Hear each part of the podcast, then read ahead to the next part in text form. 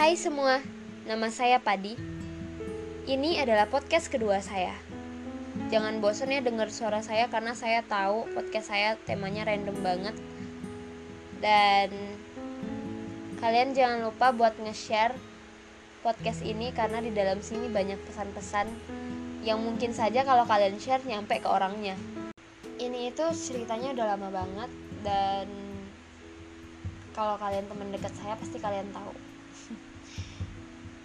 uh, jadi hari itu saya sadar bahwa saya nggak bisa ngikutin langkah dia lagi.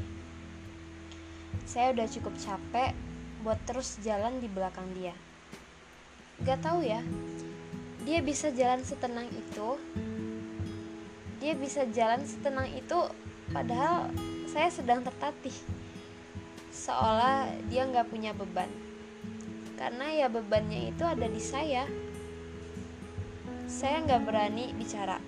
Saya nggak berani bilang kalau saya capek. Capek harus berjalan di belakang. Sedangkan dia nggak pernah noleh ke saya. Saya tahu saya bodoh saat itu. Dan di sana saya ingin sekali nerima hal-hal yang harusnya udah lama saya terima.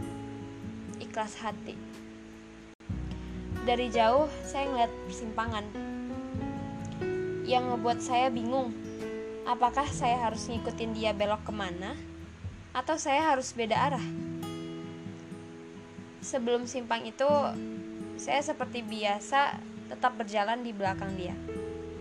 Sampai akhirnya 2 meter sebelum simpang itu saya berhenti.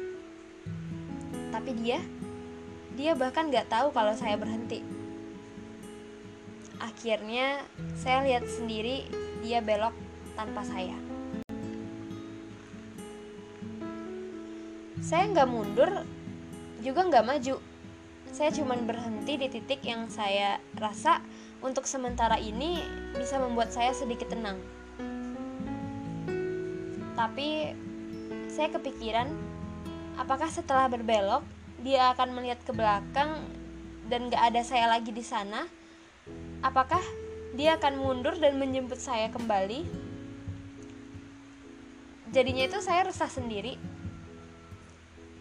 Untuk itu saya memutuskan terbang setinggi mungkin. Agar bisa lihat dia dari atas memastikan yang saya tahu bahwa pertanyaan saya jawabannya yang enggak enggak bakal. Tanpa mikir saya lagi di mana saya nangis sejadi-jadinya di sana teman saya yang tahu seperti apa saya juga menangis seolah dia ngerasain apa yang saya rasa. Waktu itu dia bilang, kali ini kamu boleh menangis, tapi besok jangan coba-coba. Nggak tahu mau deskripsikan perasaan saya waktu itu kayak apa, saya nggak paham. Dan dari hari itu, untuk besok dan seterusnya saya cuma berharap bahwa saya benar-benar selesai saat itu. Jadi saya memutuskan untuk menghindar dari radarnya semuanya baik-baik aja sampai akhirnya dia mungkin menyadari kenapa saya. Saat itu dia langsung kirimin saya pesan yang isinya kenapa saya tiba-tiba menghindar darinya. Apa salahnya? Kita kan tidak ada masalah, katanya. Dan dia ingin semuanya kembali seperti biasa lagi. Saya di sana berpikir kembali seperti biasanya lagi itu artinya saya harus berjalan di belakang dia lagi tanpa dia tahu saya berjalan di belakang dia atau saya dan egoisnya saya saya nutup mata dari itu semua